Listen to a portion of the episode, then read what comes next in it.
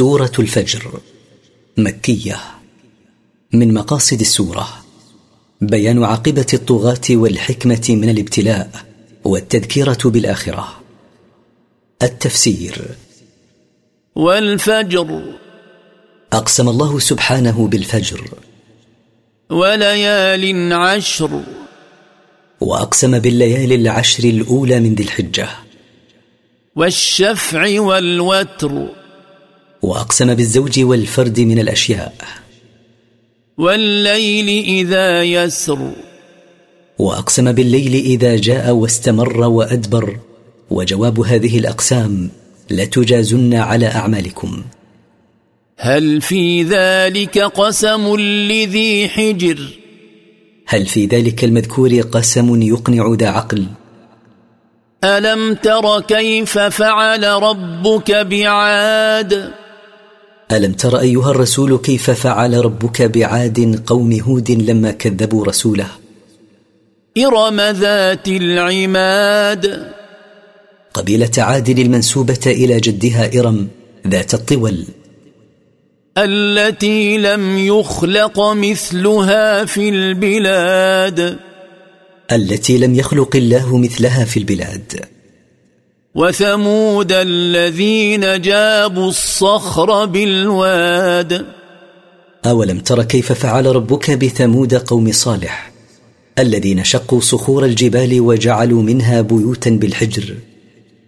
وفرعون ذي الأوتاد. أولم تر كيف فعل ربك بفرعون الذي كانت له أوتاد يعذب بها الناس؟ الذين طغوا في البلاد.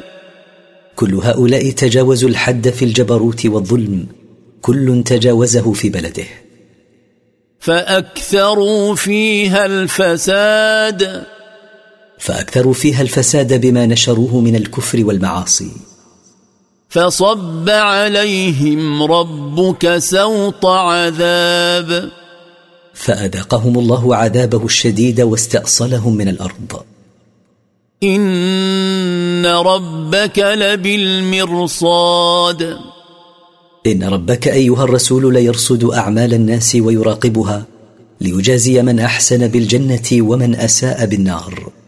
ولما كانت الأمم التي أهلكها الله منعما عليها بالقوة والمنعة بين أن الإنعام بذلك ليس دليلا على رضا الله عنهم فقال فاما الانسان اذا ما ابتلاه ربه فاكرمه ونعمه فيقول ربي اكرمن.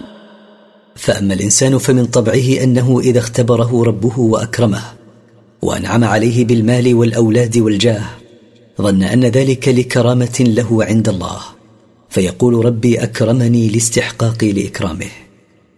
وأما إذا ما ابتلاه فقدر عليه رزقه فيقول ربي أهانن. وأما إذا اختبره وضيق عليه رزقه فإنه يظن أن ذلك لهوانه على ربه فيقول ربي أهانني. كلا. بل لا تكرمون اليتيم. كلا ليس الأمر كما تصور هذا الإنسان من أن النعم دليل على رضا الله عن عبده وأن النقم دليل على هوان العبد عند ربه. بل الواقع أنكم لا تكرمون اليتيم مما أعطاكم الله من الرزق. ولا تحاضون على طعام المسكين. ولا يحث بعضكم بعضا على إطعام الفقير الذي لا يجد ما يقتات به.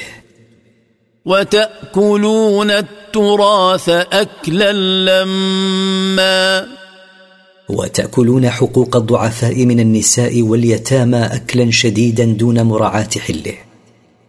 وتحبون المال حبا جما. وتحبون المال حبا كثيرا فتبخلون بإنفاقه في سبيل الله حرصا عليه. كلا إذا دكت الأرض دكا دكا. لا ينبغي أن يكون هذا عملكم. واذكروا إذا حركت الأرض تحريكا شديدا وزلزلت. وجاء ربك والملك صفا صفا. وجاء ربك أيها الرسول للفصل بين عباده وجاءت الملائكة مصطفين صفوفا. وجيء يومئذ بجهنم يومئذ يتذكر الإنسان وأنى له الذكرى. وجيء في ذلك اليوم بجهنم لها سبعون ألف زمام. مع كل زمام سبعون ألف ملك يجرونها. في ذلك اليوم يتذكر الإنسان ما فرط في جنب الله. وأن له أن ينفعه التذكر في ذلك اليوم لأنه يوم جزاء لا يوم عمل. يقول يا ليتني قدمت لحياتي يقول من شدة الندم يا ليتني قدمت الأعمال الصالحه لحياتي الأخروية التي هي الحياة الحقيقية. فيومئذ لا يعذب عذابه أحد. في ذلك اليوم لا يعذب أحد مثل عذاب الله لأن عذاب الله أشد وأبقى.